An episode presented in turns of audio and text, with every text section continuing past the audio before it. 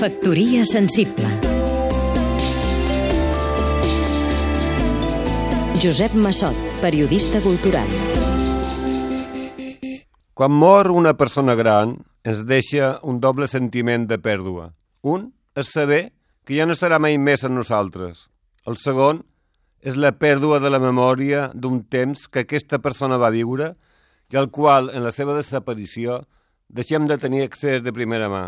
Però si han estat virtuosos, ens deixen també com a herència una lliçó.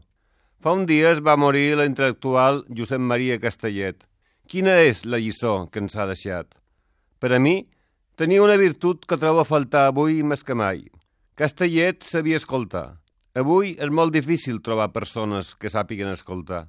És una mostra de respecte cap a l'altre, cap a les seves opinions, i és la base per iniciar un veritable diàleg que no sigui sord.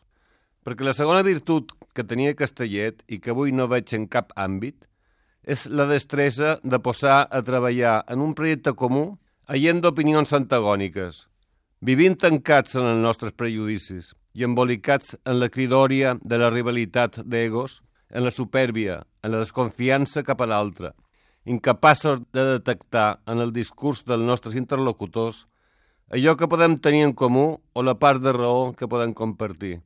Catalunya necessita ara molts castellets, en l'empresa, en la cultura, en la política, però algú sap on són? Factoria sensible.